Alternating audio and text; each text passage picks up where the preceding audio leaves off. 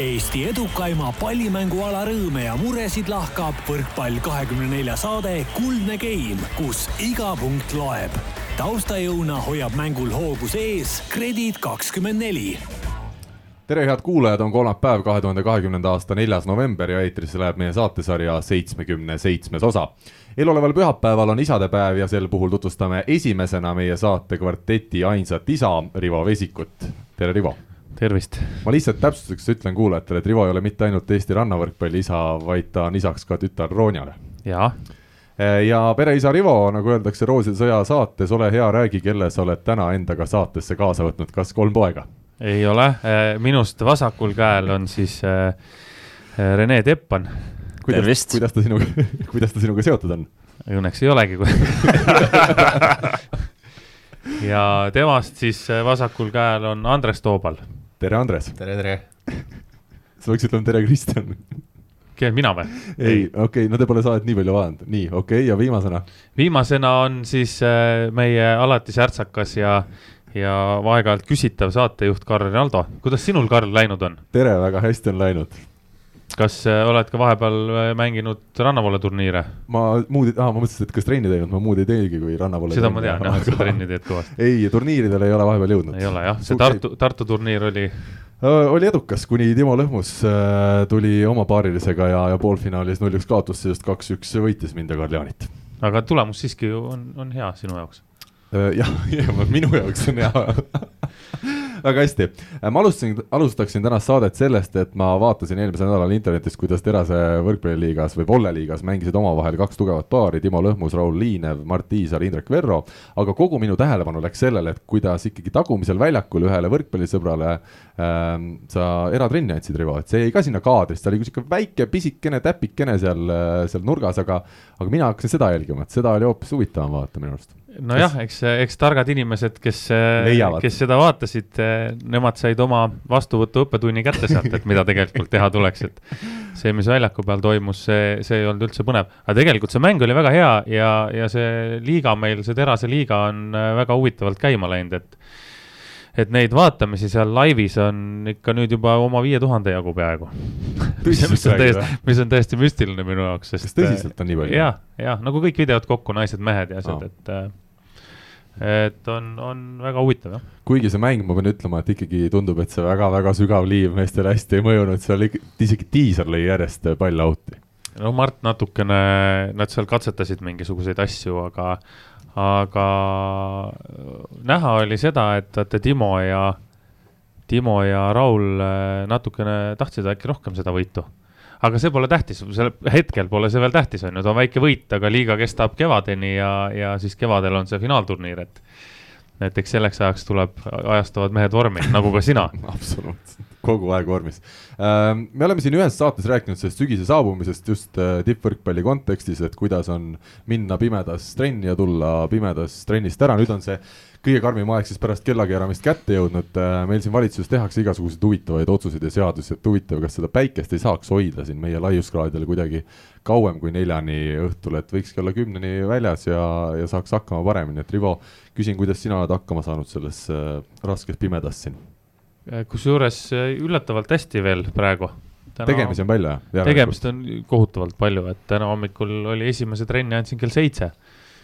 Ja, ja siis tähendab seda, et pool kuus olin üleval ja, ja nüüd natukene päevavalgust ka ja varsti on jälle pime.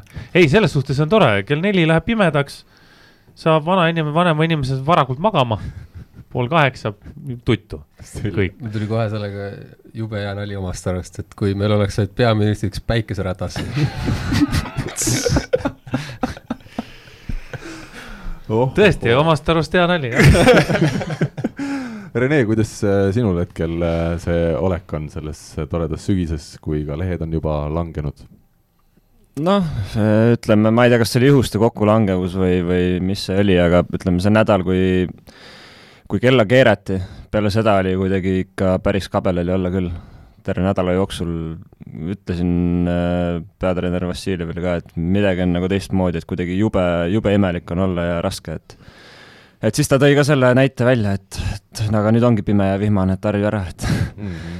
Et aga, aga ei, nüüd, nüüd jällegi kuidagi harjunud mingil määral ja, ja selles mõttes, ega ma kodus üldiselt väga ruloosid üles ei tõstagi, ega seal väljas midagi vaadata ei ole, oleme ausad. ma just tahtsin mõelda, et kui, või öelda, et kui näiteks Andres pühapäeva hommikul ärkabki natuke hiljem, on ütleme vaba päev ja, ja teeb pannkoogid ära seal köögis ja, ja mõtleb, et oh, et ma nüüd lähen naudin seda loodust natuke ja ja siis selle aja, kui ta trepist alla jõuab ja, ja välisukse lahti teeb, on juba pime ja siis lihtsalt tuleb tagasi üles. pimedas alustad, siis võib-olla näed valget, aga aga muidu ei näe, jah okei okay,, aga läheme tänase saate põhiteemade juurde ja, ja võtame ette siis kõigepealt meie koduse liiga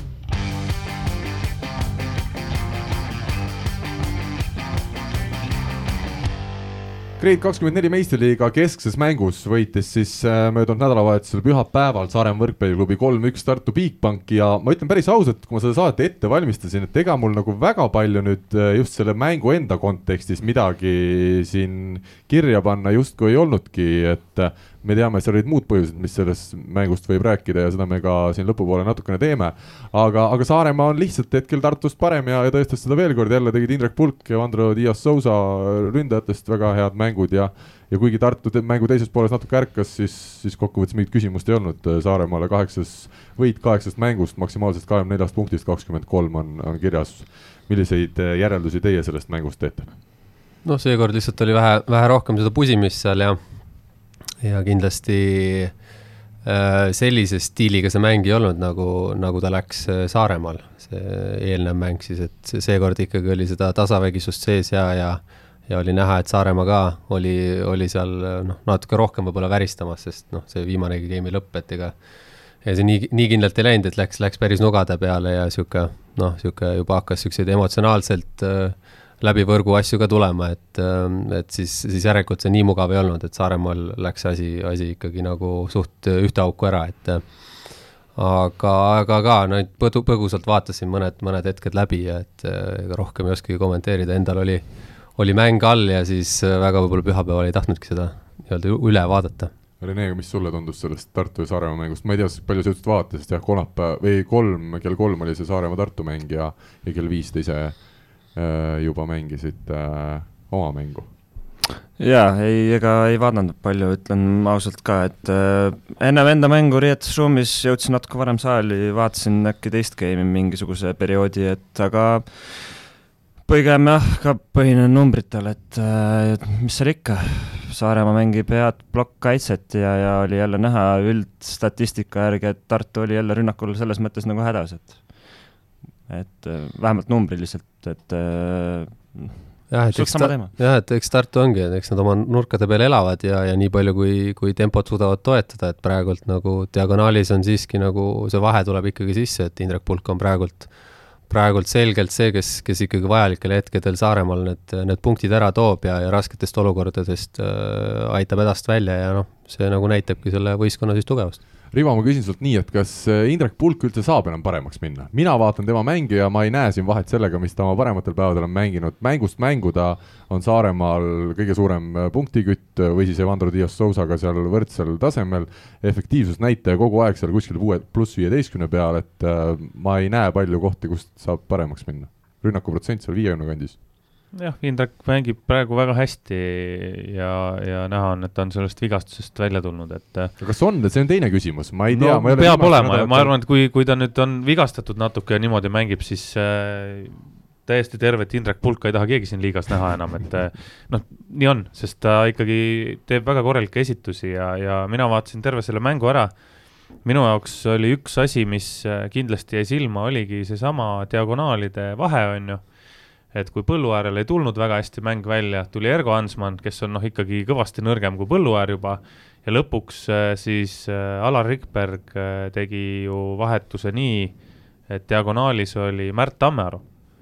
ja siis hakkas tulema? ja siis hakkas nagu midagi tulema, midagi nagu muutus, aga, aga noh, minu jaoks ta näitab ikkagi seda, et, et Tartul on, on see diagonaali vahetus täna puudu millest me oleme ka rääkinud, et, et kui Põlluaar natuke ära kukub, siis sealt nagu vangerdada, keda sa siis järgmisena nurka paned ja mis sa sealt edasi teed, on ju. no seal vist tegelikult on vangerdamisruumi, selles mõttes ongi, et ta saab see Tammääru tulla, aga vist on see probleem ka natukene, et see kolmik seal Kaibald, Hurt. Hurt ja Tammääru vist pole vist väga veel päev olnud, kus nad kolmekesi korraga ka platsi peal toimiks. jah, seda küll, jah. et no neil ongi see, et neil peaks igal juhul nagu kui nad tahavad üldse nagu noh, võita, siis, siis peavad need mõlemad nurgad nagu siis olema suhteliselt hea päev, et noh, just Saaremaa vastu ma mõtlen, et aga üldjuhul on näidanud need mängud või üleüldiselt, et Tartul ikkagi üks nagu nurkadest on tavaliselt suhteliselt hea päev, teisel nagu pigem siis ei ole, et, et, et sellist väga-väga korralikku mängu mõlemalt poolt on,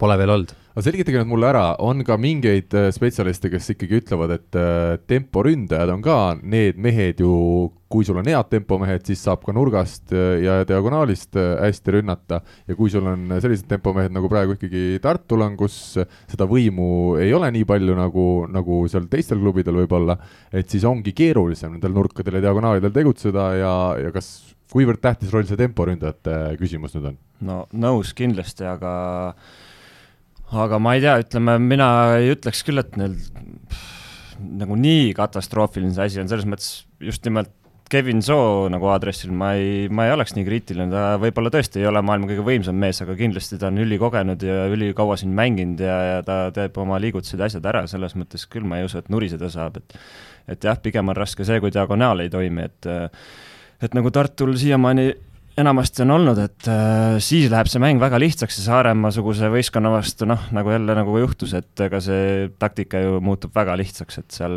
nurgamees hakkab juba keskel jube kõvasti abi andma ja, ja tempo paneb seal juba nurgamehele minema, et, et niimoodi selles mõttes ongi nagu üliraske kõrget rünnaku efektiivsust nagu hoida, et et äh, ütleme, lihtsam on jah, kui sul on võib-olla, ma ei tea, tempo ei toimi, aga vähemalt sul on vasakule-paremale võimalus natukenegi jooksutada seda mängu, aga, aga kui, kui sul on üks nagu nii-öelda tiib on maas, emmalt-kummalt poolt, siis on nagu oluliselt keeruline. et selles mõttes ma arvan ka, et Gert on nagu hoidnud isegi nagu, okei okay,, Kevin on nagu näitaski eelmine aasta tegelikult, et ta oli, oli tegelikult nagu väga hea, kuigi ma tean, et ta ei, ta ei ole enam nagu profi, profisportlane nagu selles mõttes, et kas ta on tennisetreener? ta on tennisetreener jah, tegelikult ka noh, nii-öelda ja, ja aga selles mõttes, et noh, Gert on suutnud nad nagu hoida mängus, et, et noh, nad on piisavalt ikkagi äh, teatud hetkedel ohtlikud, et päris minema ei saa minna, aga noh, see lõpuks nagu lõplikult nagu päris ära ei toida, et, et see on selge, et see koht võiks olla veel teravam jaa, ma lihtsalt ütlen numbriliselt ka, et Kevin Sooju tegelikult tegi päris hea mängu Saaremaa vastu, neliteist punkti pluss üksteist. no vot, et aga ongi, et ma ega see Karp oli ka normaalne. jaa, ma ütlen lihtsalt, Kristo Karp on mees, kes siis muidu on mänginud esiliigas Maaülikoolis, kahekümne kolme aastane mängumees, aga eelmine aasta vähemalt võistlustasemel, ma sain nii aru Tartlaste jutust,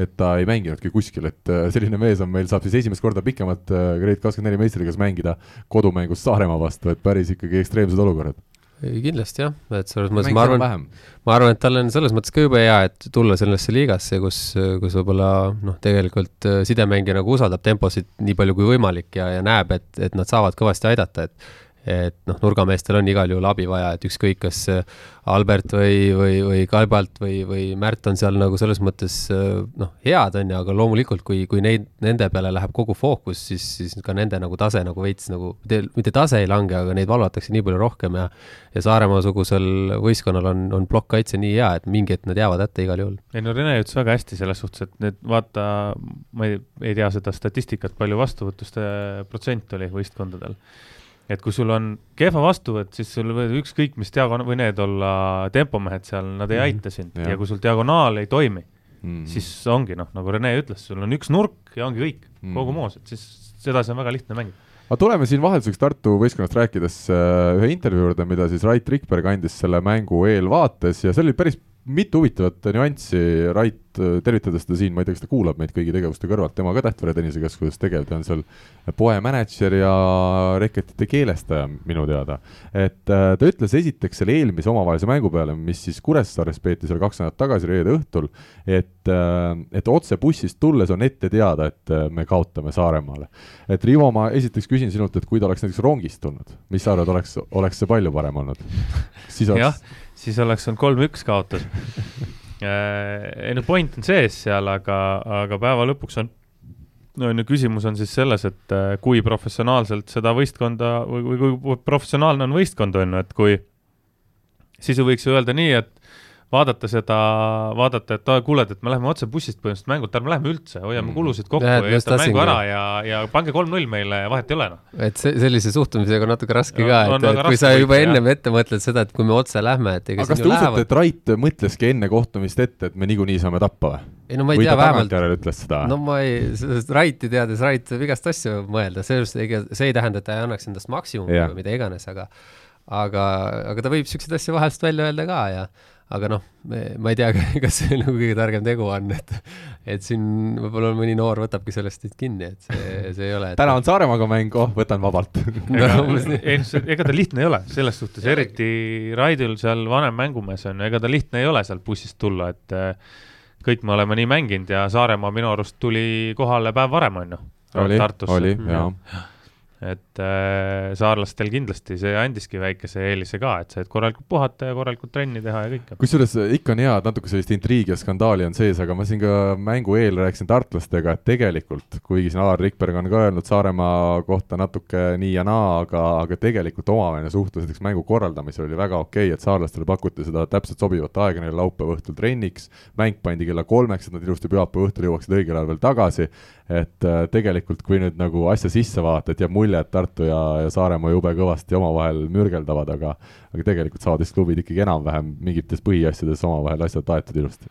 Eesti on nii väike, et kui sa hakkad äh, ma ei teagi, kus, kui, kui, kui vanad meil seal kuulajad on, et kui sa hakkadki nagu panema üksteisele, siis äh, ja kui sulle see jääb see nagu plekk külge, kas siis pannakse sulle vastu ka, et sellel ei ole pointi lihtsalt mm. -hmm. ma arvan, et see koostöö on, on kõige õigem ja, ja mõte on ju ikkagi see, et, et liiga oleks tugev ja, ja et inimestel oleks nagu, mida vaadata, on ju jah, no okei okay,, ma saan aru, need sõidud on jah, niisugused võib-olla Saaremaale pikk, Saaremaa sõidab kuskile mujale, on nagu ka pikemad ja nii edasi, et ega noh, Eestis ma ikkagi ütleks, et see asi nüüd ei ole nii hull, et kui sa jõuad natukene varem, teed väikse kohvi ja suudad nagu normaalselt üles Tartust Kuressaarde, mis kõige pikem sõit ikkagi Eesti sees, see on ikka meeletult pikk tegelikult. ja kui pikk see on? No väga Aja, pikk. ajaliselt, kui palju tuleb? kaks Pärnusse, Pärnust Virtsu tund, kolm praam, viiekas umbes päris hull ju tegelikult. tegelikult see on päris karm, pärast tööpäeva meestel. Moskva Vladivostok lend on üheksa tundi räägime nagu karmidest tingimustest siis pluss ajavahe. ja võib-olla, võib-olla ongi, meil ei ole nagu väga hull kuskile nagu selles mõttes, et noh, sa saad või... hakkama enam-vähem normaalselt siit Tallinnast, on ju, noh, Pärnu mm. jääb ka kuidagi sama nagu, nagu Prantsusmaal ju mingid, ma arvan, et Sten mängis, nad panid oma väikeste mingite Volkswagen Golfidega ise tõmbasid nelisada, kolmsada kilomeetrit maha, et minna mängule, on ju. üks oli roolis ja teised istusid äh, masinas, et äh, et noh, eks see on nagu individuaalne ka, võib-olla mõnele mõjubki natuke rohkem ja, ja võib-olla kui Raidile tegelikult on teada, et talle mõjub ja see oli ju noh, ka Belgia ajast just, et kui talle ei meeldinud see, et niimoodi sõiduti ise ja nii edasi, et mm. et ja noh, kuna Raidile meeldib nagu öelda seda ka, mis ta ise arvab, siis, siis noh, võib-olla jäigi mulje, et nüüd kõik on nagu midagi halvasti, võib-olla mm. enamus meestest mõtleb, et okei okay,, pole hullu, on ju aga teeme, aga anname siit, noh, praegu targutame, räägime oma mõtteid, et aga anname siis nagu ühe idee ja soovituse Raidile. pane Nii. viimased kolm kiltsa jooksuga bussist maha, nagu Narva võistkond peale igat turniiri jooksis natuke bussi taga.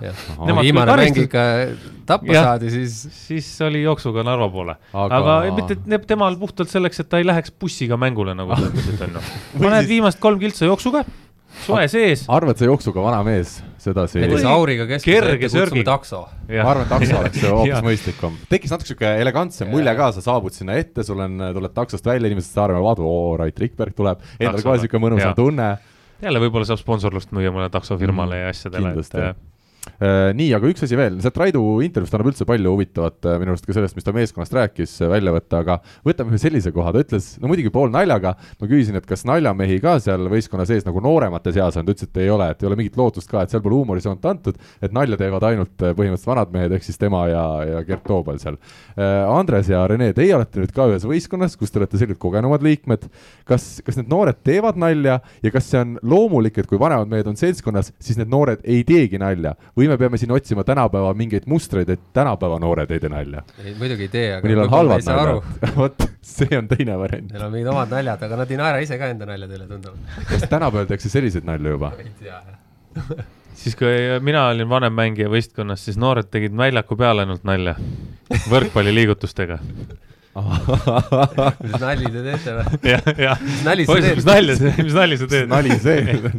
aga Rene, kuidas sulle tundub, kas äh, on siin mingit mustrit võimalik leida või on igas võistkonnas erinevat moodi ja, ja see pigem näitab, et noored austavad vanemaid?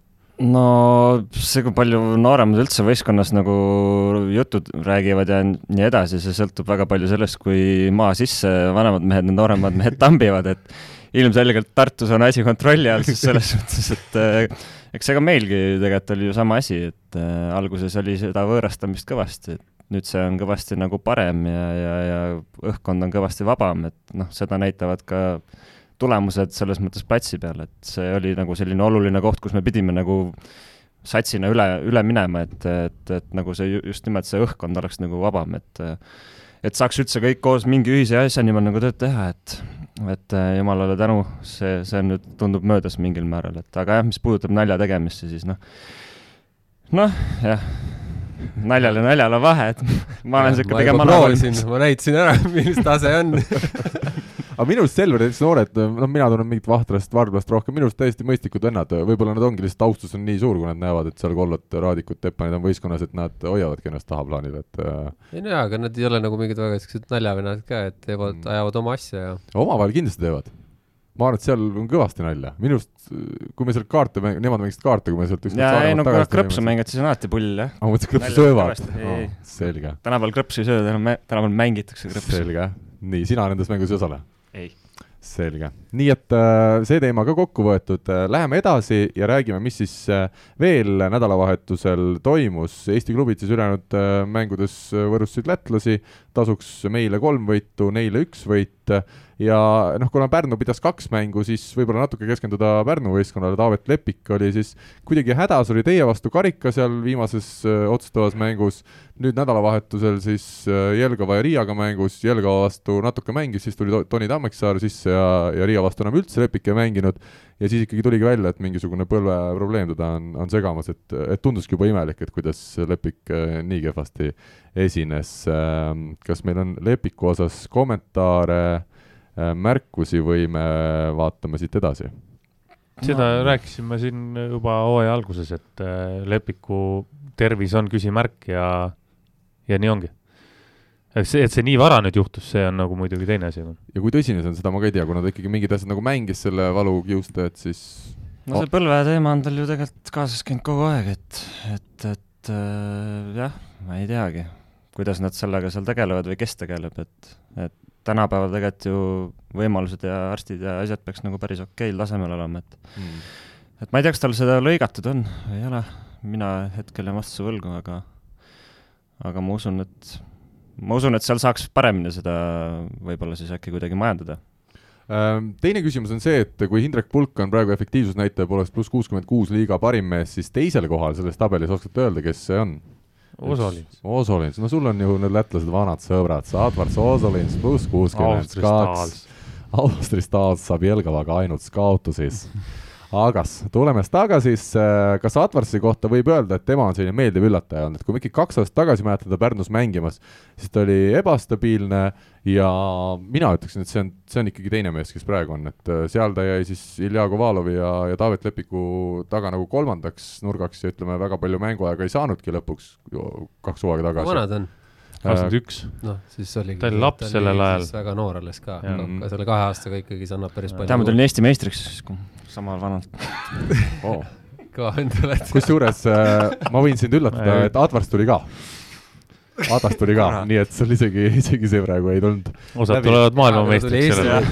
ta tuli Eesti meistriks, ta ei tulnud Läti meistriks aga, aga Advars, äh, olete te nõus minuga, et ta ongi lihtsalt paremaks mängijaks saanud ja, ja see mees võib ikkagi Pärnut äh, vedada ja ja tundub, et see stabiilsus on ka lõpuks saavutatud või teen ma ennatlikke järeldusi veel siin, mis on seitsme mängu põhjal või palju, kuue mängu põhjal? siiamaani on ju kõik hästi, et noh, meie vastu muidugi karika, karika niisuguses otsustavas mängus nagu võib-olla ei olnud nagu sellist sära, aga aga siin Martiga sai ka räägitud jah, et, et on tegelikult, et vist on natukene tunda seda, seda väsimuse märki kergelt sellest eh, koondise suvest. et mis ta ütles, et võib-olla nüüd natukene tõmbab hoogu maha, aga, aga noh, samas nüüd nädalavahetusel tegelikult väga olulised punktid, küll üks punkt läks kaotsi, aga samas Riia vastu keda noh, tegelikult ar mina arvasin, Riia võiks, võiks isegi Pärnut nii-öelda hammustada, sest et äh, kui seal ikkagi Avdejevs mängib korraliku mängu, siis, siis nad on nagu kõigi vastu võimelised, et äh, aga seal läks, seal läks nagu suhteliselt isegi kergelt, kergelt Pärnul ära peale seda esimest game'i, et no ma nii palju lisaks veel ka, et no ilmselgelt äh, lähebki noor mängija paremaks ja enesekindlamaks ja stabiilsemaks, et aga, aga päris sada protsenti on kindel see, et ta ei, kindlasti ei mängi oma võimete lähedalgi, kui, kus ta võiks nagu olla omadega, et ta on füüsiliselt selle liiga mõistes ikkagi väga võimas, noh. ta ikkagi peaks olema see mees, kes noh, puhastab seda liigat selles mõttes ja, ja veab Pärnut nii mõneski mängus ja, ja nii edasi, et ma arvan, seal on nagu potentsiaali mõttes ta on ikka väga lapsekingades alles, kus ta nagu võiks kunagi olla. kas ta jõuab sinna, see on teine asi, aga ma lihtsalt räägin, et selle liiga kohta tema füüsis on päris korralik. sest no vahest ikka nagu mängude aeg ka ikka on näha, et kus mingitel kõrgustel ja, ja, ja jõu poolest, et äh, kus ta nagu võib võtta, et äh, ja noh, tal on nagu osavust ka, et see, see on kindlasti, et ta võiks siit veel päris korralikult sammud edasi teha, jah Martti Keel oli tagasi põhikoosseisus mõlemas mängus, küll selles esimeses mängus, viiendas game'is Richard Voogel teda asendas ja selle võidu koju tõi ja Silver Maal siis kaitseväest oli ka tagasi. Pärnul on üldse neid noori mehi päris palju, vist kokku neli tükki, kui me siin eelmise hooaja mängijad ka võtame praegu kaitseväes, aga enamik neist siis erinevalt Maarist ei ole mitte paar kuud sedasi nalja tegemas kaitseväes, vaid on üksteist kuud ja, ja seetõttu see hooaeg jääb nagu suuresti vahele, et isegi Singi küsis, et kuidas on libero, see teine libero, kes eelmine aasta oli Allar Keskküla, kes meil oli noortekoondises põhimees seal, kus Tammearud ja, ja Lõhmused vist olid, et tema on lihtsalt üksteist kuud kaitseväes, ta oli isegi võistkonda registreeritud sel hooajal. et see liberate seis on, on nagu ta on.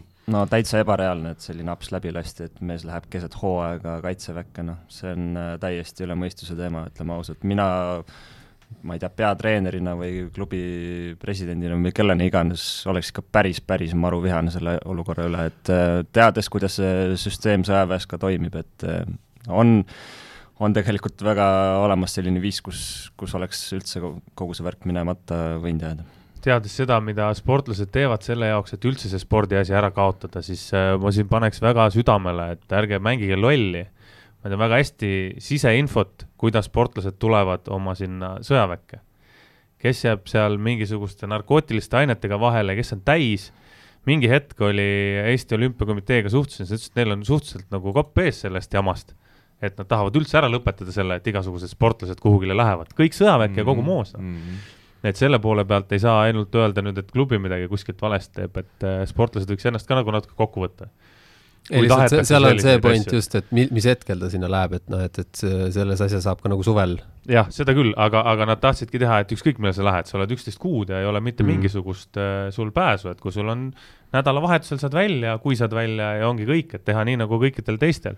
ja teine pool, mida muidugi härrased äh, sõjaväelased, kaitseväelased ütlesid, olid see, et noh, mis, kuidas ma võtan sportlase, kes ei suuda üle kuue kätekõverdusi teha või kaks korda lõuga tõmmata, et mis sportlasest me siin räägime, on ju. ma ei kujuta ette, ma olen ise selle teekonna läbi käinud, ma ei, ma ei tea, mis sportlastest neid, neid asju räägitakse. sa olid spordirodus? mina olin spordirodus, ma käisin olid... läbi, noh, see oli küll okei okay.. ma olin üheksa, ma olin, ma olin üheksateist siis on ju see on nüüd siis juba väga kaua aega tagasi. täna on Andres kakskümmend. jah, et äh, aga mina, ma olen ka kuulnud imejuttusid seal, et kuidas kõik, keegi ei saa hakkama ja edasi, aga ma ei tea, seal oli küll ainuke asi, kus olidki sportlased tassisid kogu seda muud, muud jama seal edasi, et äh, no see, see oli mingi neli, neli-viis aastat tagasi, kui ma rääkisin nendega viimati. ei no ma tean jah, et, et seal ega sellepärast ma, ma olen kuulnud ka, et äh, Imre Tiidemann seal noh, lõpuks tuligi tulema, sest ta ei jaksanud enam seal mm. võidelda, aga, aga ma ei saagi sellest aru, kuidas siis alaliidud juba võtavad selle vastutuse, et ma saadan sinna, sinna mingi mehe, kes, kes ei suuda tegelikult nagu füüsiliselt olla valmis, et noh, siis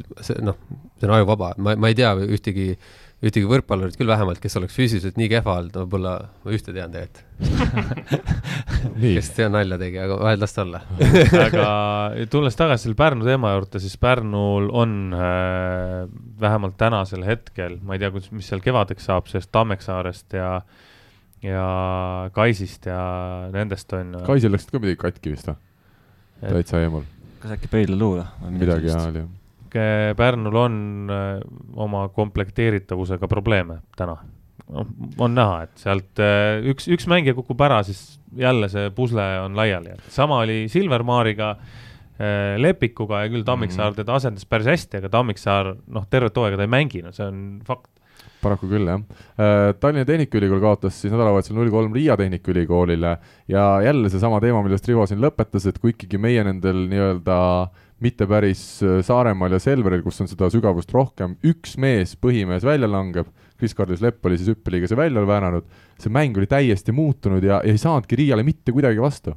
et seal oli vastuvõtuosakonnas lihtsalt nii kehv see seis ja Mihkel Tanila siis tuli, ütleme, Lepa asemel selles suhtes väljakule, et seal neid muudeti, Meius pandi mängima liberat ja ja, ja, ja Tanila tuli siis jah sisse ja, ja lihtsalt ei õnnestunudki, ei olnudki head varianti, tundub. Noh, seal tuleb see moment, et kui sa oled trennis mänginud põhimõtteliselt kogu aeg ühe liberoga, sest sul nurgaründajaid nii palju ei jagu, on ju, või tähendab, nurgaründajaid on nii palju, et see, see ei pane seal meiust äh, liberoks trenni jaoks, on ju seal on isegi siis... sidemängijad, kuna neil on kolm sidemängijat, vahel on siis kolmas sidemängija on see no libero. et aga mängus sa seda vangerdust ei tee, noh, sa lihtsalt ei tee, et siis sa, sa ei saagi, kui sul ei ole seda, seda ühte vajalikku käiku, mis täna on diagonaalründaja ikkagi, konkreetselt diagonaalründaja, siis äh, ongi raske mm. -hmm. minu küsimus äh, nüüd teile kui ma mängu eel seda eeltööd tegin kohtumiseks, siis ma mõtlesin, et täna mulle tundub, et noh, oleks Lepp nüüd terve olnud, see Lepa vigastus, eks ole, selgus seal vahetult enne mängu. Äh, et oleks Lepp terve, et kas TalTech ja Riia võiksid olla sel hooajal nagu kuidagi taseme poolest võrreldavad võistkonnad? noh, pärast null kolm kaotust on seda muidugi imelik rääkida, aga aga kas te olete minuga nõus või te arvate, et äh, ikkagi Riia peaks olema parem nagu? no minu meelest Riia tegelikult on näidanud nagu justkui nagu paremaid asju, see nädalavahetus, okei okay,, TalTechile võeti ära, aga see, mis nad nagu äh, mis nad mängisid äh, nüüd Pärnu. Pärnu vastu, oli nagu ikka kuidagi kas midagi muud või seegi mäng, kui tegelikult null kolm kaotati mm, Tartule, siis tegelikult nagu üldiselt mäng nagu pildiliselt ei olnud üldse halb, et noh, päris nagu äge niisugune agressiivne side ja kõik nagu võiks nagu iseenesest toimida, aga aga on näha, et seal tegelikult need niisugune rünnakujõud, noh, nagu näiteks Avdejevson ja on näha, et ka mees mingil hetkel peab vastu ja tegelikult tal on füüsiliselt jõudu ja kõike ja osavust ja nii edasi, ta võiks selle, aga nagu on näha, et ta ei ole ka siiski see profisportlane, kes äh, lõputult nagu jaksab, et ta mingi hetk kukub ära, siis ta hakkab ikka noh, seal no, oli näha ka mingi jalad maas kuhugile seina peale lööke tegema, no siukseid veidraid asju, et äh,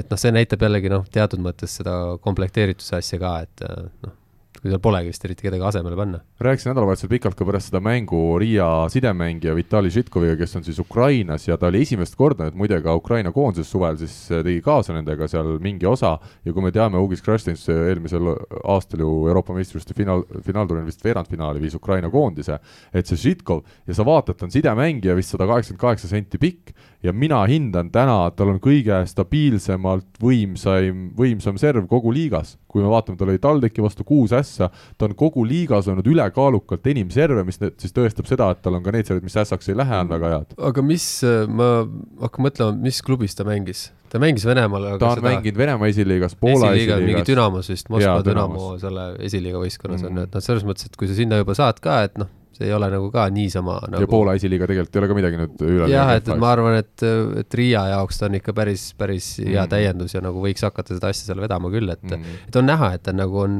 mänguliselt on, on hea, et nüüd on võib-olla seal mõni mees peaks selle asjaga nüüd natuke kaasa rohkem tulema siit, äh, kuna me teame, et TalTech jätkuvalt oma dia-, omale diagonaali otsib, me ei tea, kas see tuleb või mitte ja ega vist TalTechi mehed isegi seda päris täpselt ei tea, siis minu jaoks oli üllatav, siin eile tuli uudis, et Daniel Massiel, eestlastele tuttav äh, võrkpallisõber või võrkpallur, kes siis eelmisel aastal mängis Saaremaal ja varem on TalTechis mänginud diagonaali kohal, et et tema uueks koduklubiks osutus siis Austria parim meeskond Playburg, mis oli Markus Keele esimene välisklubi siin paar hooaega tagasi et kui ma nii nagu vaatan, mul oli natuke kahju, et ma ikkagi lootsin, et kui Marcel TalTechi ei tule, ma tean, et nad omavahel seal korra ikkagi ühenduses olid, et siis Marcel leiab omale parema klubi, et praegu ma vaatan, et TalTech tundub nagu Eesti liiga mulle Austria liigaga võrreldes, andke andeks küll ikkagi oluliselt, tugevam liiga juba.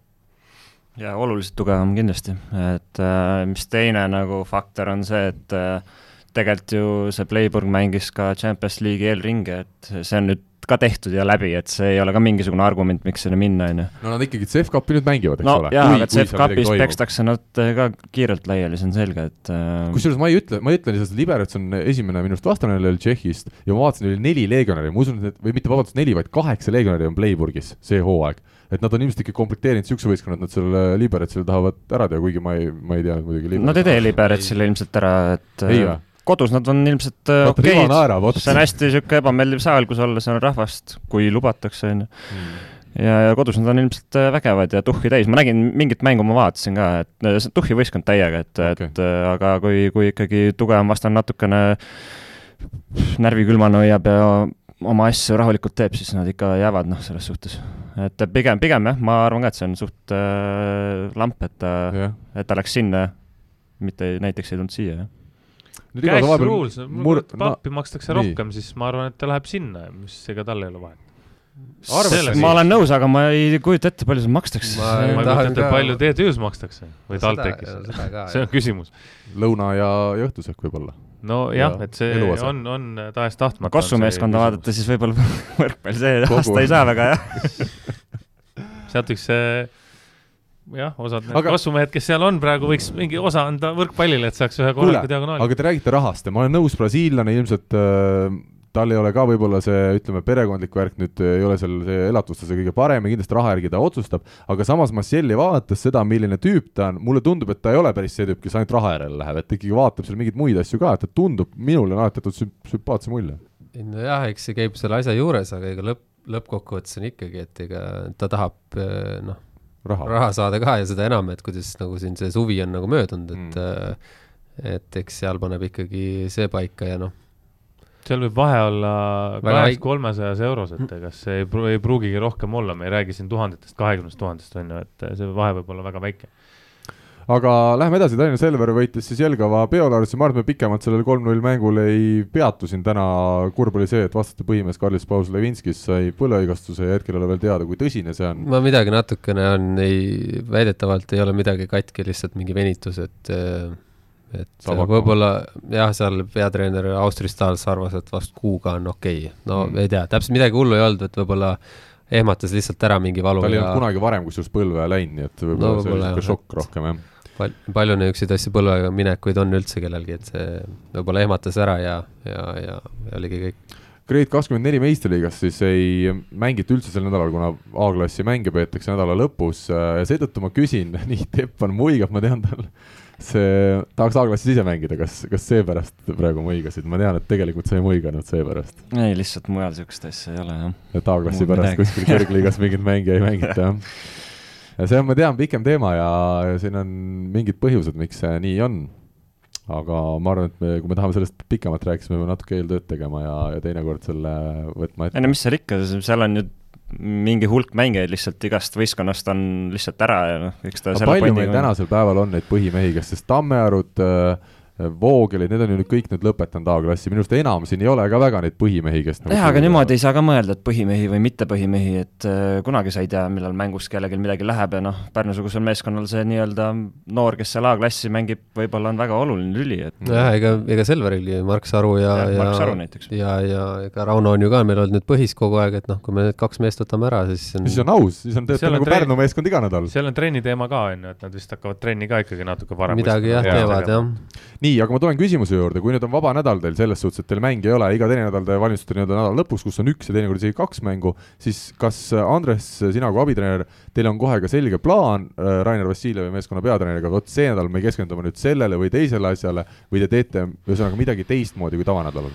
jah, täna just praegult vist äh, siin enne saadet või saate esimestel minutitel tuli Renele, me arutasime, kes siin äh, noh, jah, selles, selles mõttes, et gruppides trennid on, et päris tihti, et me hakkame siin, siin natukene niisuguseid individuaalseid ja, ja, ja niisuguseid konkreetsemaid asju, asju tegema, et et siin vastuvõtjad rohkem vastuvõtuga ja, ja plokimehed plokiga ja nii edasi, et et see on rohkem jah, niisugune individuaalne nüüd niisugune arenemisprotsess ka, et et praegult lubab, lubab niisugust asja teha, et täna õhtune ka kolmetunnine trenn, me saame ära selle jagada äh, ära jagada nii-öelda kahte gruppi, poolteist tundi, poolteist tundi ja, ja, ja võib-olla seal sidemängijad siis natukene rohkem isegi, et äh, saavad natuke mõlemas olla, et äh, et see on niisugune tavaline, tavaline protsess, kui ei ole mängu.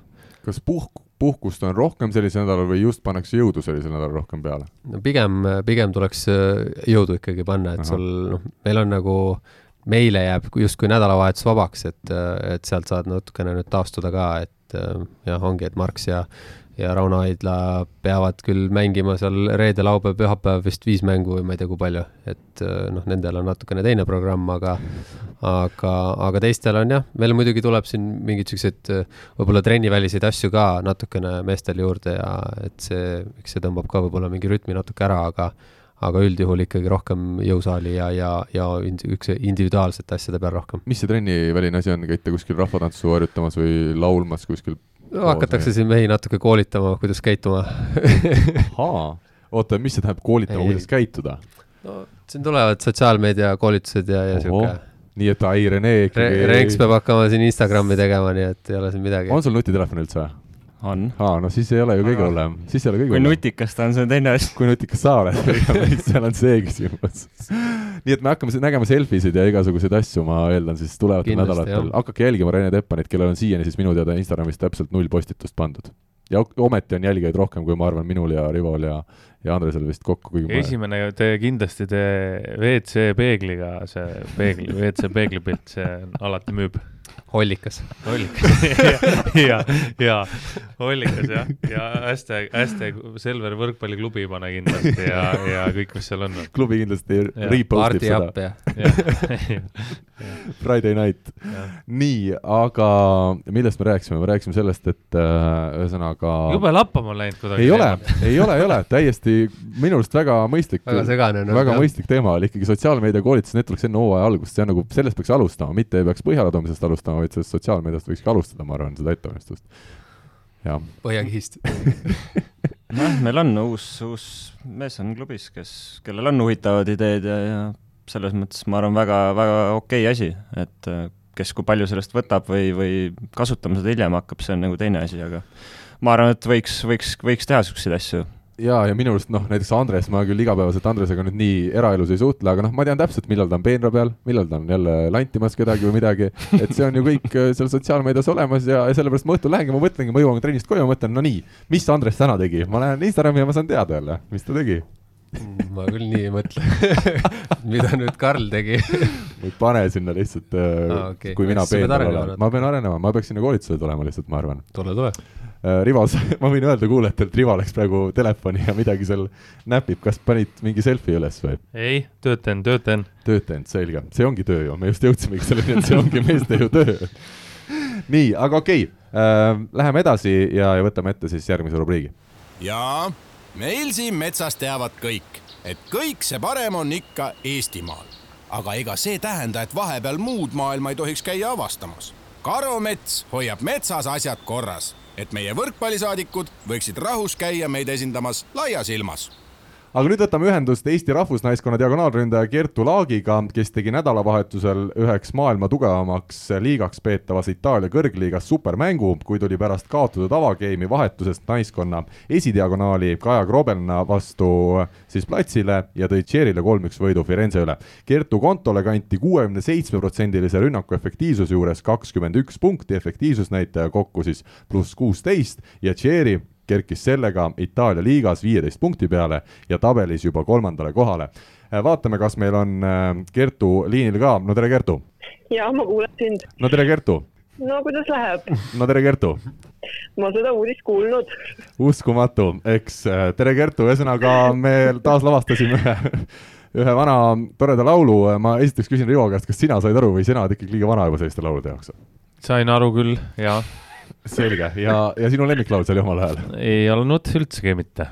see, ka minul mitte, aga ometi on see mul hästi meeles. Kertu, sina oled nii noor täna ikkagi, et kui see laul välja tuli, ma vaatasin, sa võisid olla nii nelja-aastane umbes, kas sina ka seda lugu mäletad ja on sulle seda äh, siis koolipõlves äh, palju meelde tuletatud? oh issand, kui mul oleks antud, ütleme, kroon iga korra kohta, kui seda laulu laulsi mulle, siis ma oleks ikka väga rikas praegu selge, aga ma saan aru, et rikkus on äh, tulnud ikkagi nüüd peamiselt võrkpalli mängimisega. räägime esmalt sellest, äh, sellest mängust, ütle päris ausalt, äh, kui rõõmus on üks võrkpallur, kui ta tuleb sellises olulises mängus vahetusest sisse, te olete esimese game'i kaotanud ja siis paljuski ikkagi tänu sinu rünnakutele õnnestub hoopis kolm-üks võit võtta? no muidugi on rõõm selles mõttes, et äh, eriti kui on niisugune mäng, kus äh, vahepeal ma isegi kuskil oli kirjas, et äh, vist teises game'is oli mul rünnaku protsent vist üheksakümmend üks või mingi sihuke, sihuke number, et, et äh, ei, lust on mängida, kui kõik nagu välja tuleb selles mõttes. mis selle hea esituse tõi siis, oskad sa natuke seletada, kas sul oli viimasel ajal trennis ennast hästi tundnud, oli sidemängijaga hea koostöö, on sul füüsiline vorm väga hea? no sidemängijaga oli kindlasti hea koostöö selles mõttes, et äh, kuna meil see põhisidemängija oli äh, äh, siis isolatsioonis tolles mängus ja teda ei olnud, siis äh, meil oli kasutada teine sidemängija, kellega ma noh, see hooaeg olen nagu rohkem trennis võib-olla koos mänginud, et, äh, et selles mõttes äh, klapp oli hea.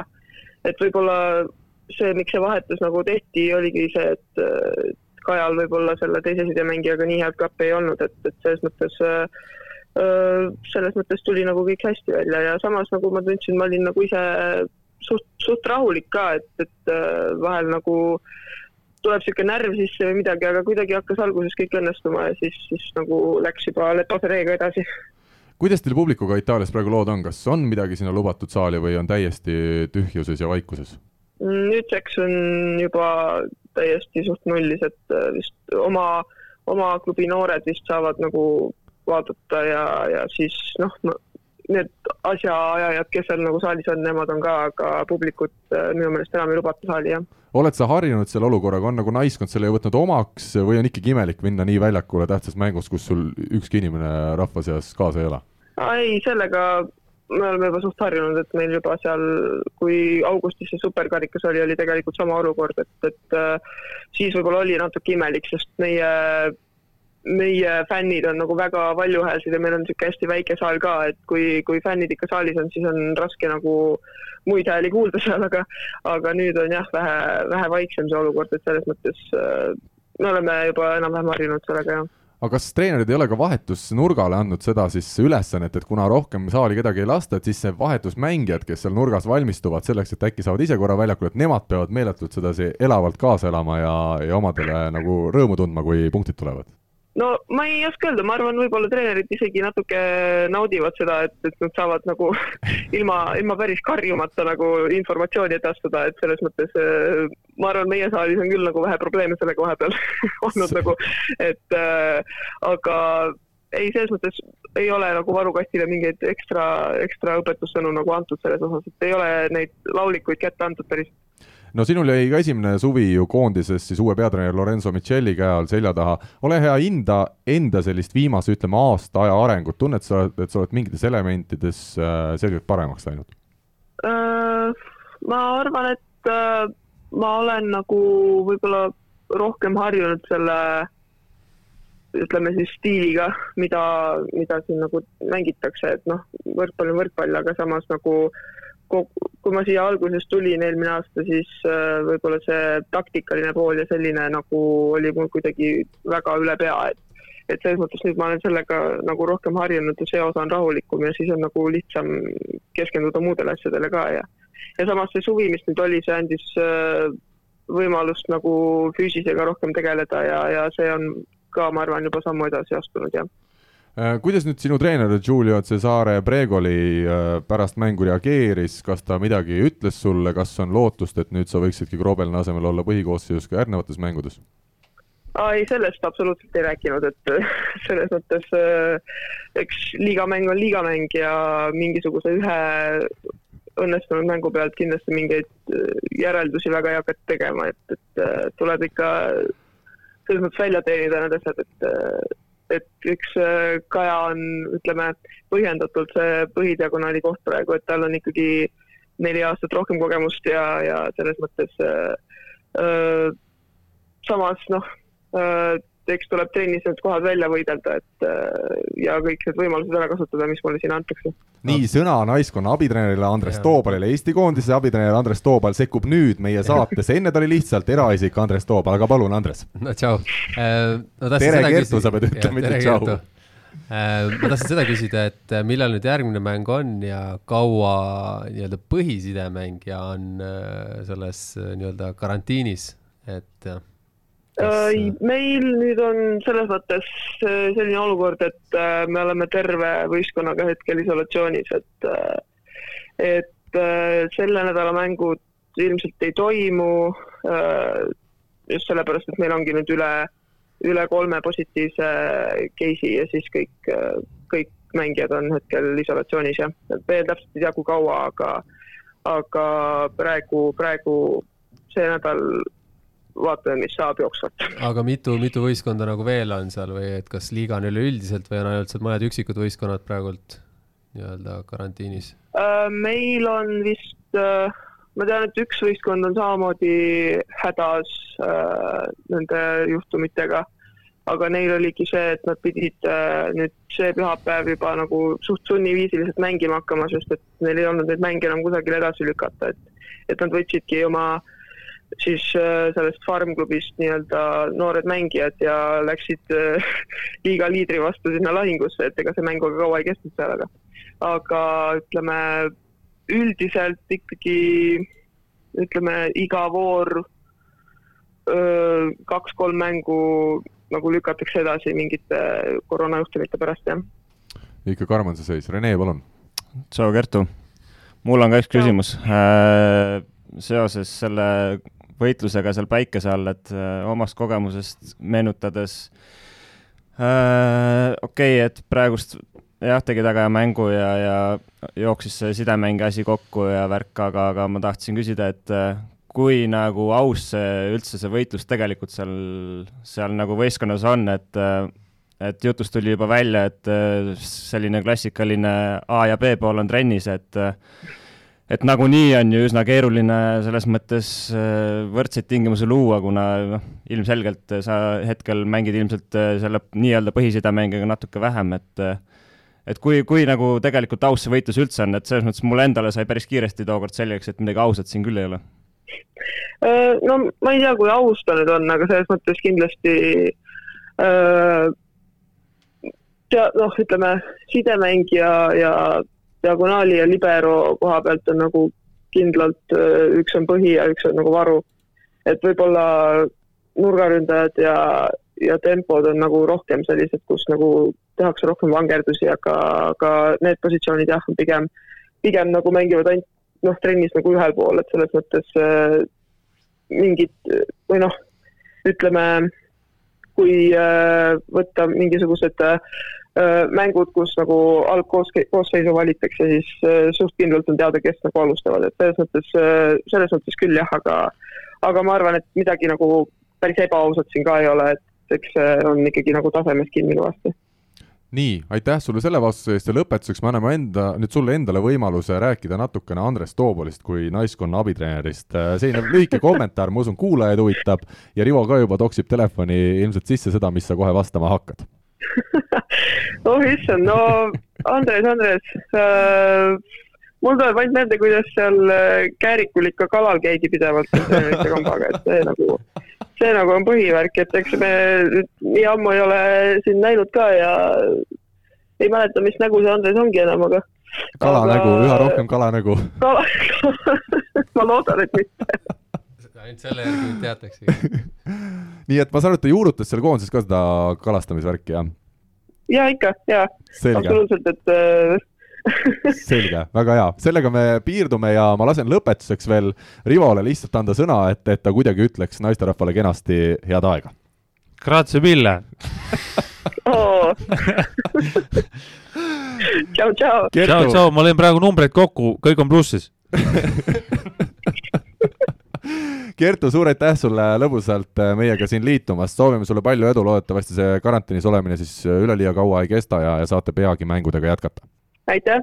Ja meie tuleme nüüd siis äh, eestlased välismaal teemal järgmisena Saksamaa kõrgliiga juurde ja, ja minu jaoks väga üllatavad tulemused nädalavahetusel Berliin ja Friedrichshafen, meeskonnad, kes on Saksamaal pikki aastaid valitsenud, mõlemad said kaotusi ja, ja veel sellise kaotuse, et isegi, isegi punkti ei saanud kirja.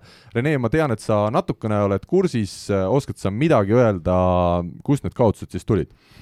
no jah, ma jällegi põhinen numbritel, et iseenesest räägiks sellest Berliini mängust võib-olla siis natukene, et äh, et seal selgelt äh, statistiliselt kaks asja, mis, mis selle kaotuse ilmselt nagu tõid ka, et äh, rünnaku vigu kakskümmend viis nelja game'iga, see on päris palju. ja, ja teine kakskümmend viis serviviga juurde, et, et okei okay,, see servivigade värk, see on nagu nii ja naa teema nagunii, aga, aga ikkagi see on viga ja punkt vastasele, et kaks game'i põhimõtteliselt läks juba nagu oma soperdamiste peale ära, et, et siis ongi nagu, nagu raske võita, oleme ausad, et et, et aga Freeschaffen ka, ütleme, statistiliste numbrite järgi jällegi äh, ega väga variante ei tundunud olevat, et äh, kakskümmend, kakskümmend, kakskümmend on ikkagi pigem selline üsna, üsna kindel, kindel nagu kaotus, et ma lihtsalt ütlen vahele, et Friedrichshafen kaotas null kolm siis Tüürenile, Karli Alliku endisele koduklubile ja Cedric Genardi juhendatav äh, siis Saksamaa meister Blini Volley kaotas üks-kolm Büülile jaa, et noh, kui niimoodi vastaseid vaadata, siis ilmselgelt suurem üllatus on ikkagi see Berliini kaotus Büülile, et äh, et äh, Berliin peaks ka une pealt üle käima sellisest võistkonnast, arvestades nende komplekteeritust ja rahakotti, aga aga, aga Freeschaffini vastane Tüürin jah, eks seal on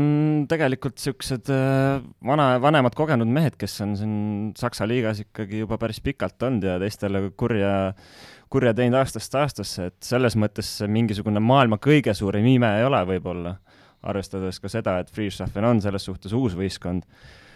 Aga, aga ei, loomulikult, eks ma isiklikult loodan ka, et nad ikkagi hooaja jooksul suudavad eh, Berliinile vastu hakata ja ja just näiteks kas või neid tempomehi siin trennis arutasime, kes neil seal on, et see on päris korralik, eh, korralik punt, kes neil seal on, et eh, et sellel võistkonnal peaks olema sisu ja sügavust samamoodi, et diagonaaliga on ka hästi, tundub, pihta pandud seekord ja, ja ja, ja ootaks tõesti Freeschaffenilt nagu sellist korralikku hooaega Äh, Martti Juhkemi käest ka lühidalt küsisin, et kuna ma teadsin, et saates see jutuks tuleb korraks, siis, siis ta ütleski, et noh, et kokkuvõttes võib seletada seda asja nii, et Saksamaal see keskmine tase ikkagi piisavalt hea, et kui meeskond päris ise sadat protsenti välja ei mängi, et siis saadaksegi kaotusi, muidugi ka tema ütles, et see Berliini kaotus oli ikkagi üllatus, et et nad on natuke siin hooaja eel olnud ebastabiilsemad, kui nad on varasemalt olnud vot, sellised mõtted meil äh, sellelt teemalt.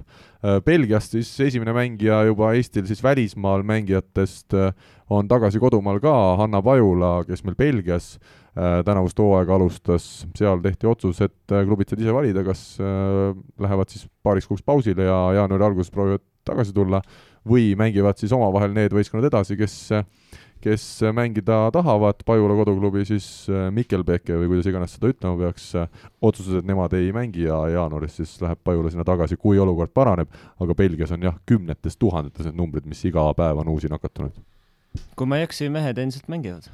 oli ka minu arust nädalavahetusel derbi, nii-öelda kohalik äh, derbi, Roselar Knack versus Maasik. oli, oli küll jah, et aga samas ma tean, et äh, eelmine aasta siin äh, Selveris mänginud Matei Schmidel on, on ise äh, positiivne ja et oli just siin juttu, et, et on kaks, kaks nädalat täitsa olnud sihuke palavikus ja ei, ei taha kuidagi see palavik alla minna, nii et ähm, selles mõttes, et Aalstist mängis küll, aga ma vaatasin mingit videot, et seal oli jah, teine, teine diagonaal mängis ja teda ei olnud igatahes ja ütlen lihtsalt juurde, et äh, lisaks siis Pajulale, kes tõesti on juba tagasi kodumaale tulnud ja ilmselt siin Tallinna Tehnikaülikooli naiskonnas hakkab äh, treenima seda, kas ta ka mängima hakkab siin, seda ei tea, siin peab vist natuke vaatama, kuidas äh, lubatakse ja mis seisud on ja kas TalTechil üldse see koht on, et siin on juba teiste ju mängijatega arvestatud, et see on kõik tulevikumuusika, aga Poola kõrgliigas siis Robert Täht, Timo Tammemaa ja Rezove meeskond jätkuvalt on pausil, Tšehhis Robert Viiber on pausil ja Luksemburgis Anu Ennok ja Merlin Hult ka, Hurt ka vist peaksid olema pausil aga meie läheme edasi saate viimase teema juurde.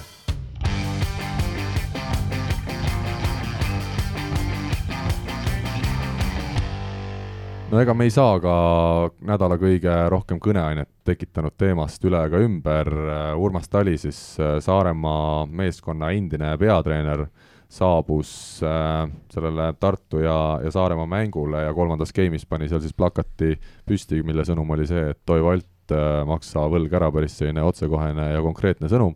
ma ütleksin esialgu, me ka siin meestega enne arutasime seda, et meie saade ju on paljuski selline nalja peale üles ehitatud ja me ei võta neid teemasid väga tõsiselt, aga noh, see on nüüd selline teema, mida nagu naljaga väga me kajastada ilmselt ei saa, sest siin on ikkagi konkreetselt, meil käib jutt väga tõsisest teemast ja, ja natukene on ikkagi see küsimus sees, et ega me keegi täpselt peale nende asjaosaliste ju ei tea, kuidas ja mil moel need lepingud, kokkulepped, olgu need siis suulised või kirjalikud, seal täpselt Saaremaal tehtud olid, aga aga midagi me ikkagi siin äh, kommenteerima peaks ja võiks. Äh, Andres, kas sina oskad siin mingit äh, seisukohta või osapoolt võtta?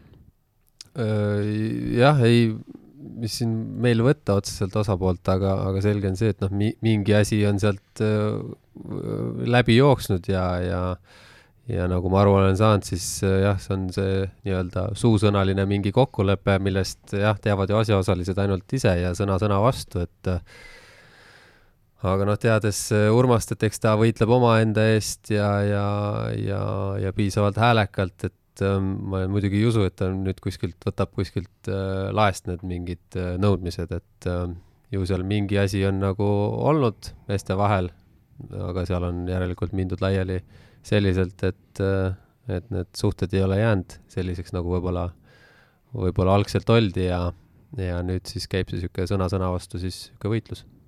Ütleme ikka päris äärmuslikud meetmed Urmas Tali võttis kasutusele, ei, seda isegi ei kujutaks ette, et üks äh, meeskonna endine treener tuleb äh, mingile mängule sellise plakatiga, et järelikult seal on ikka mingi kõva, kõva probleem siiamaani sees, jah no selle looga ma ütlen lihtsalt kõigile võrkpallisõppedele, kes meid ka näiteks Delfi vahendusel kuulavad, et võrkpalli kahekümne neljast saab seda lugeda, see on esmaspäeval avaldatud lugu, kus siis kõik osapooled, äh, Saaremaa võrkpalliklubi Urmas Tali ja, ja Saaremaa võrkpalliklubi president Toivo Alt sõna said.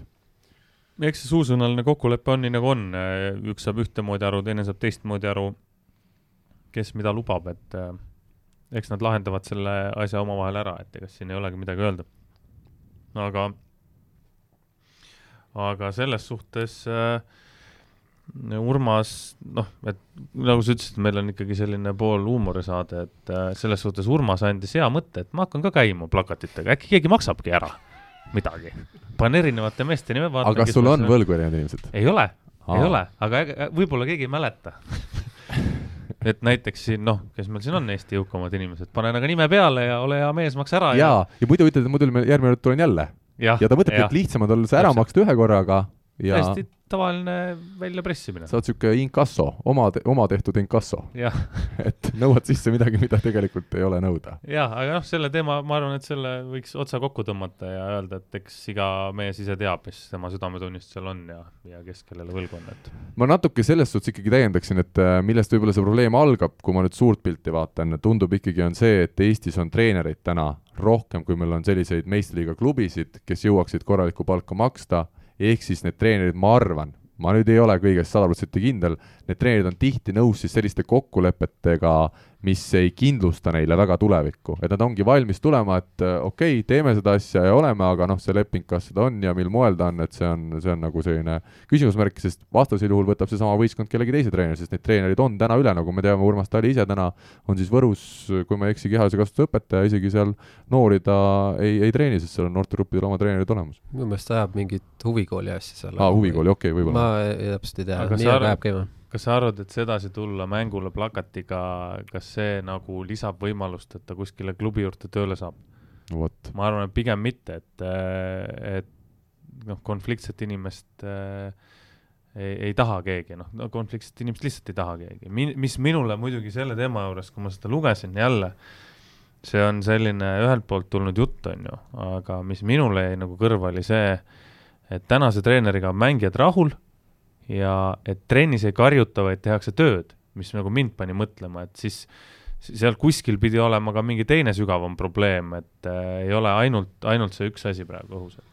jah, et see, see vastus oli niisugune jah, selles mõttes kummaline, et, tule vaata trenni, et noh, et kes, kes on selle treeneri ennem siis palganud ja noh, kui sa oled teinud mingi otsuse, et ma võtan treeneri või mängija, kui sa temaga rahul ei ole, siis nagu noh, kes ta nagu valinud on, et et kui ikka Renksi olen vali-, valinud, siis eks ma pean ta aasta lõpuni ära kannatama või, või kuidagi, kuidagi tast lahti saama, aga mitte mitte päris niimoodi, et Renks tuleb mulle saadab, paneb akna äärde kirja, et äh, Andres Toobal on loll. et selles mõttes, et, et äh, jah, ma siinkohal ütleks, et noh, et, et, et me võin ju jah, jah, on, on raske teema igal juhul, aga ma ütlen just, on seepärast raske, et me ei tea kõiki nüansse. ei tea jah, loomulikult ei tea ja, ja aga just see, et mul jäi natukene seal arusaamatuks, et, et tule vaata siis trenni, et äh, ma saan aru, et kõik me peame õppima edasi ja, ja võib-olla saame paremaks ja nii edasi, aga, aga kui sa oled võtnud ühe treeneri endale treeneriks,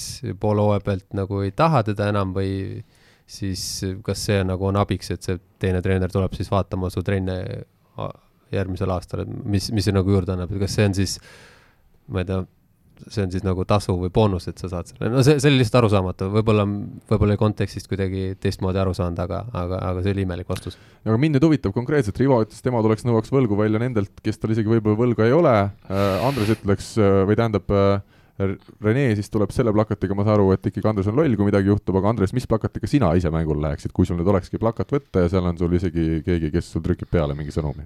kes mu põlve korda teeb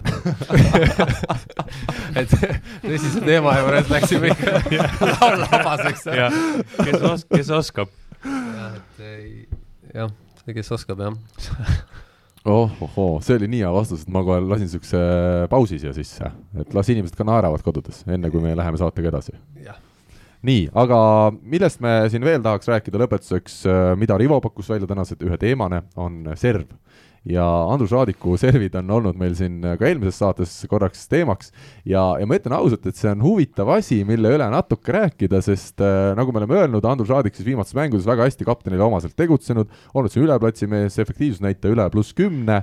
Ja siis servid äh, mis tal oli, kas kahekümne kahest servist neliteist olid võrgus või audis, no mingi täiesti müstiline number, ühtegi ässa seejuures ei ole tulnud ja viimastes mängudes ongi nii palju kui võimalik Rainer Vassiljev ta vahetanud siis servi hetkeks kellegi teise vastu välja. minu enda argument, mida ma siin ka Alar Rikbergiga arutasin, on tegelikult, kui öeldakse, mingid vanakooli mehed ütlevad, serv on kõige lihtsam element, et see on sina ise, sa saad seda kontrollida ja teha, mis sa tahad, samas minu jaoks on näiteks ka serv kõige raskem element võrkpallis, see on see koht, kus sa pead äh, ise palli üles viskama, üles hüppama, edasi liikuma, tabama palli õigesti, keha kontrollima ja lisaks, kui sa ütleme, ründad kas või tagaliinist kuue pealt, on sul võrk ikkagi suhteliselt lähedal, aga kui sa servil joone, joone tagant lööd, see on ju üheksa meetrit, et, et head servi tugevalt lüüa, see on minu jaoks äh, võrkpalli võib-olla elementidest tõesti kõige raskem, kas te olete nõus selle teooriaga või ma läksin täiesti küsiks korra vahele, et mis sinu jaoks siis lihtne nagu element võrkpallis on? No varus, varus olemine, reeglina seal nurgas, kõhulihased, seljalihased äh,, õlaringid, meestega rääkimine, see on, selles ma olen, ütlen väga tugev, seal treener ütlebki, et sa olid täna seal nurgas nii hea, et seepärast ma sind mängu ei pannud, siis mõtlen, oh okei okay,, ma tulen järgmine kord jälle. ma olin ka selles, see oli väga hea. See on väga kõva me peaks koos võib-olla üks, pa, üks parimaid Eestis. Sealt saaks siiani hea, ma arvan. ma arvan, seal võiks tiksuda küll, jah. Aga olete te nõus selle mõttekäiguga? kusjuures minu jaoks on äh, serv on koordinatsiooni poole pealt Äh, ongi üks kõige raskemaid elemente võrkpallis, sa pead nii palju korraga tegema asju. just, just, kõik just. need sammud, pealeminek, ülesvise, kõik need asjad, et see on, on raske element, aga ta on ka treenitav element. nii, Andres, sina oled treener, kes sa oled Andrust näinud treeningutel löömas, äh, kas ütleme tõesti ka vahel on, oled sina ja Rainer läinud saalist välja, kui te näete, kuidas Andrus servib või see, või trennis on olukord parem olnud?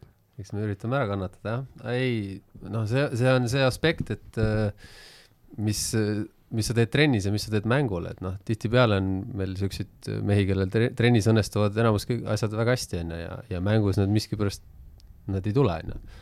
nagu Andrus ise ka ütles, et eks see on kahe kõrva vahel seal, et see me siin natuke nüanssidega tegelesime, tege-, tegelesime nagu enne seda mängu ka siin oli juttu ju eelmises saates sellest ülesviskest on ju ja seal, kus ta oma palli käe peal keerutab. kusjuures ta sai sellest nagu, ta ütles, et ta ei olnud ennem kunagi selle peale mõelnud, on ju. ja me proovisime natukene siin teistmoodi. ja tegelikult läks asi paremaks. ja, ja aga näed, mängus on ikkagi mingi teistsugune kramp on sees. Ja olgem ausad, praegult on see, see moment, kus, kus nagu peab nagu au andma seda, et ta ei lase nagu sellelt mõjutada, seda enam, et see probleemika on nagu tõstatatud nagu siin kuskile pilvedesse on ju. ei, aga minu arust, mina ütlen ausalt, minul kui võrkpalliajakirjanikul mulle meeldib, kui meil tekib selline probleem, siis räägime sellest, ma arvan, et täna ka näiteks, kui Rivo ütlebki ka välja, et serv ongi üks raskemaid elemente, ei ole nii, et see on kõige lihtsam element, et sa saad sellega ise tegeleda, keegi teine sind ei sega, et me räägimegi teemadest, mis on päevakorras, arutame need läbi ja ma arvan, et võrkpallisõber võib-olla leiab sealt mingid huvitavad nurgad seal. jaa, ei, et selles mõttes, et ta nagu ei ole lasknud sellelt nagu mõjutada kogu enda ülejäänud mängu, mida, mida väga tihti juhtub loomulikult, eks ta, eks ta võtab praegult äh, järgmised siin need treeningud seda asja nagu teistmoodi ja võib-olla keskendub teistmoodi, aga, aga see ongi suur vahe, kas sa teed seda trennis ja, ja kas sa, kuidas sa suudad seda nagu mängu panna, et ähm, noh, see on nagu pigem ikkagi, tal on seal psühholoogilise ja, ja, ja siis tehnika niisugune, ütleme, vahekord lähebki, võib-olla midagi läheb paigast ära ja lähebki, nagu me Rivoga siin arutasime ka sellel natuke nagu nüansirikkamalt seda asja, et ta ongi, et võib-olla trennis ta ei teegi seda liigutust nii, aga näed, mängus mingi pinge juures keha käitub nii ja ongi jah, sellest peab nagu üle saama ja tõenäoliselt ta saab ka üle.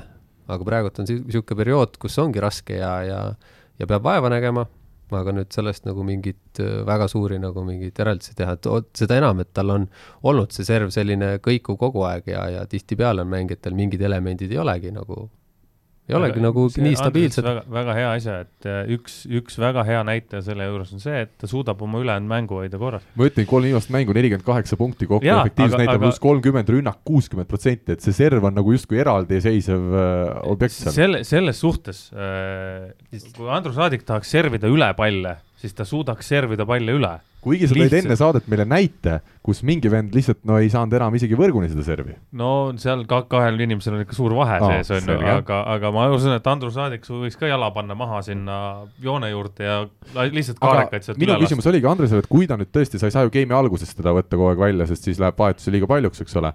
et kas planeerivad pallingud seda nagu üldse mõttes ei olnud või ideena äh, või te ikkagi lootsite nii palju, et see serv mingil hetkel hakkab välja tulema talle? ei jah, oligi, et ega ega võib-olla natuke panime ise ka ta väikse surve alla, et ta sai kohe esimeses äh, esimeses game'is kohe esimesena servima, et noh, meil lihtsalt oli, oli nagu asetuslikult nagu hea niimoodi alustada et panite lihtsalt apsu läbi ja ei tunnista? ei, ei, meil oli täitsa selline arutelu ma lihtsalt ütlen kuule, et sealt tuli muidugi viga, sellest esimesest. jah, see tuligi viga ja noh, eks see võib-olla natukene oligi raske moment, et enne seda me Raineriga alus-, mõtlesimegi, et noh, kas, kas panna ja võib-olla on see riskantne ja aga samas oligi just see point oli sees, et, et trennis oli parem, kaks päeva olnud vähemalt nagu selle ülesviske ja kõige selle asjaga.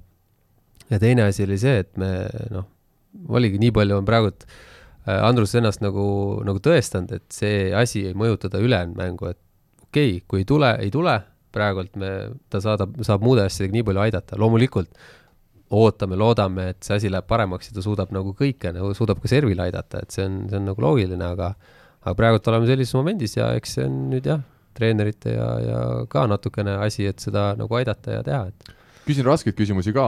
ja noh, meil on juba olemas nagunii, mida peab tegema, nii et aa, ma mõtlesin, et rasketele küsimustele juba vastused olemas. no ongi sellele vastus, vastus olemas, et eks me hakkame tegutsema. nii, küsimus on selline, teil on selline hea võistkond, kus on varumehi ka häid, kui nüüd on Kristo Kollo, Mihkel Nuutsin näiteks, no Niko Habakovski ka, aga noh, soomlane las ta olla, järgmine aasta läheb Soome tagasi ja keegi enam ei mäleta, kas niisugune mees oli või ei olnud. aga oma mehed ära nii küll nüüd ütle. ei, jääb Eestisse pikaks aastateks ja kerkib siin meie tähtsamaks. nagu Damien Rožinski oli eelmine aasta kuidas see nimi oli? Rožinski. see on nagu koroona on Konora sul, jah ja.? Damon Živski. Äh, ütleme siis, küsimus oli selline, et kuivõrd raske on hoida neid varumehi ka õnnelikena, sest kui te olete leidnud sellise rütmi nüüd, kellega need võidud on hakanud tulema, et äh, kui kerge on või raske on hoida neid varumehi siis, kes on ka heal tasemel sedasi rõõmsatena ja tunned, et nad praegu nagu on, on oma olukorraga rahul ja saavad trennis oma asjad ära tehta no eks see on jah, niisugune kahe otsaga asi, et oleneb sul võib-olla mõnest selle persoonist ka, et kellele võib-olla on nagu lihtsam see, et ta on, ta on sellises rollis, kellel võib-olla vähem ja, ja ja eks, eks see on niisugust noh, kuna noh, oleks võinud ju ka proovida, et paneme varumehed sisse, aga meie seis on selgelt selline, et meil ei, meil ei ole siin võimalik äh, ebaõnnestumise korral äh, nüüd mingit naljalt siin punkte ära anda, et meil ei ole selline seis nagu a la Saaremaal, et me võimegi panna noh, lähme ja vaatame ja kui, kui vaja, paneme sisse ja, ja ehk õnnestub, on ju. selge on see, et meie hooajaga algus läks, läks natuke aia taha ja, ja ja nüüd me peame sellest nagu välja hakkama tulema ja noh, teatud mõttes nagu sai natukene anda teistele meestele ka, noh, siin Helger ja ja, ja Kollo sai uuesti natukene lõpus proovida, et kus Helger mängis väga hästi minu arust? ei, Helger on olnud selles mõttes tubli ja noh, tema mängib enda selle enda selle asja ära nagu alati, et tema pealt nagu midagi ei kärise ega aga loomulikult oleks ju võinud veel seal, et oleks võinud ka Niko saada rohkem mängida ja jah, eks siin Deniss ka võib-olla käib ja, käib ja möllab töö kõrvalt ja, ja on olnud nagu tegelikult trennis nagu ikka, ikka väga-väga kõvaks abiks meile, et seda, seda taset hoida, et et loomulikult need, need mehed mingi hetk tahavad võib-olla ja, aga, aga see oleneb ka persoonist, et kes, kes rohkem, kes vähem. selle teema lõpetuseks nüüd, äh, Rivo, kas sina saalis kunagi hüppelt äh, jõuserviga lõid? jah, ikka lõin. kuhu see lendas, seina, lakke, võrku, mm, antenni, kohtuniku pea otsa? kuidas kunagi ah.? ma olin üldse nii palju erinevaid serve, et kui praegu hakata mõtlema, siis ma lõin ta, jalad maas planeerivat pikka siis ma olin hüppelplaneerivat, siis ma olin jõuservi aeg-ajalt. kas see oli jõuserv või see lihtsalt äh, jõuservi moodi selline aeglane. nojah mm, -hmm. ütleme no, sellel ajal ei olnud ühtegi, keriv jah, keriv jah. kui ei olnud jõudu tagasi, siis nimetati keriv otsa. ei olnudki ühtegi vist jõuservi, peale Pavel Gružajev, kes lõi tõesti tugevalt Äh, ja siis oli üks huvitav serv veel, mida harrastasime mina ja Gert Toobal, oli see tagant seina äärest hüppelplaneeriv serv, see oli jõhker. jaa, küül peal, see oli jõhker serv, kui see ikka välja tuli, siis see oli ikka korralik äh, asi, aga ta ei aga pruukinud. siis oli ägedam pall ka vist, see vist ja. läks vägevamalt planeerima ka. sa oled, ma arvan, isegi äh, Rabahalli lae ära võtnud, ma arvan. ja, ja vana kaalapallide või nende, mis iganes Mika, need olid. kas sina lõid, kas sina lõid lakke ikkagi maapõrkest või sa lõid lihtsalt otselakke? maapõrkest, Gert andis jumala hästi, ütles, et davai, pane laekas, siis lasi täpselt niimoodi ilusasti üle, et said randmega ainult teha kõpsti. oligi siis, kui Huulik oli saalis, sa ikkagi pidid selle ära tegema soojendusel? ei, siis ei saanud, trennis tegime, et oleks seal enne mängu soojendusel hakanud tegema, siis oleks, ma niigi ei saanud mängu, siis oleks veel vähem mängu saanud All right. aga, aga see, ägedad servid olid jah, praegu tuli meelde Äh, Rene, sul ka vahepeal tuleb sisse seda kaugelt, et kohe, kui vile kõlab, sa ei lähe küppelt servi lööma, vaid, vaid paned niisuguse vanaaegse. nii, oota, Rene nüüd veeb käega ringi, ta ei ole rahul, mul oli mingi vale kommentaar minu poolt. no mida sa räägid saladusi välja, kurat küll, noh. Kellele ma räägin? telekast oli näha. seda ei ole siis telekast näha või? no kurat teab, kes seda skautingut teeb või ei tee. no lätlased ei tee, tundub jah. iga ei, Rene no..., Rene iga kolmas kord, kui servima läheb, ta paneb jalad maas mm. -hmm. see on minu, minu skauting. no ütleme nii, et Poolas, Itaalias me seda ei teinud aga, aga no tihtipeale, tihtipeale tegelikult selles mõttes iga kord, põhimõtteliselt iga kord, kui ma seda teinud olen, on see vastuvõtt vähemalt kolme-nelja meetri peal. et selles mõttes ta juba nagu teeb, täidab oma ülesande ära, et, et ütleme, kas seal on näiteks mingi olukord, kus ma ei tea, vastased on millegipärast närvis, vaidlevad kohtunikuga, endast väljas, käib vile, näed, et vend endiselt veel vaatab kohtunikku ja laiutab seal midagi, noh, see on niisugune üllatuse värk, aga no ega sa seda üle ühe korra väga mängus nagu selles suhtes ei tee, et rannavõrkpalli terase välja minu arust selles suhtes väga hea koht, et kui me keskmisel väljakul teeme trenni, siis vahel ma lähen sinna järgmise väljaku peale üle, noh siis seal on võrk vahel ja sealt veel kaugelt äh, serve teele, et Rene, aitäh sulle, et sa need väljakud õigetpidi oled pannud. aga, aga kas sa, Rene, seda ei ole mõelnud, et sa üllatad vastupidi, et paned ainult jalad maas ja siis ühe korra pead hüppama järsku, igavese paugu. siis ma kardan, et treenerid ütleks ära järgmine kord tule üldse. Nagu äh, kunagi oli äh, Pärnu võistkonnas oli mingisugune mängijamees, kes äh, kõik, kes veel mäletavad Pärnu Rabahalli, noh, Audentes ka, ma arvan, et Audenteses äh, talle oleks väikseks jäänud saal, et ta lükkas ikkagi plakatid lükkas vastu seina ja pani selja vastu seina ja sealt pani jalad maas planeerivalt, nii et aeg-ajalt ta isegi ei jõudnud väljakule, kui juba sealt teist poolt rünnak tuli. kes see oli siis?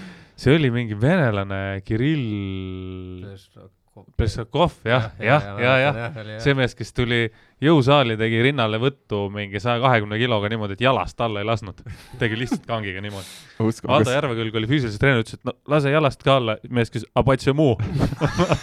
aga tal tugevused jäidki sinna jõusaali, ma saan aru ah?? tal tugevused jäidki jõusaali? ei, ta mängis tegelikult, ta oli väga hea esimese lõpu ründe ka. ma mäletan, tal oli haamer. ta tahtis, et ta küsis, et kas ta mingit kaarti ei saa, et talle meeldib kiiremini sõita. oli vist tema, et talle meeldib kiiremini yeah. sõita, et kas politsei peatab siin kinni ka, et või kas mingit kaarti ei ole. ja see Venemaal oli olnud mingi teema, mingi politsei teema, kaardi asi, et siis ta sai rallida. ahah, okei okay,, huvitav jah seal need rallimehed sinna jäävadki, seal ei ole vaja neil äh, päris rallit sõitma hakata. meil on saate lõpetuseks äh, öelda nii palju, et head kuulajad, järgmine saade me vastame teie küsimustele, aga me võtame sellise asja sisse, et me laseme ka Eesti meistriga klubidel iga kord siis ühel meistriga klubil saata meile küsimusi.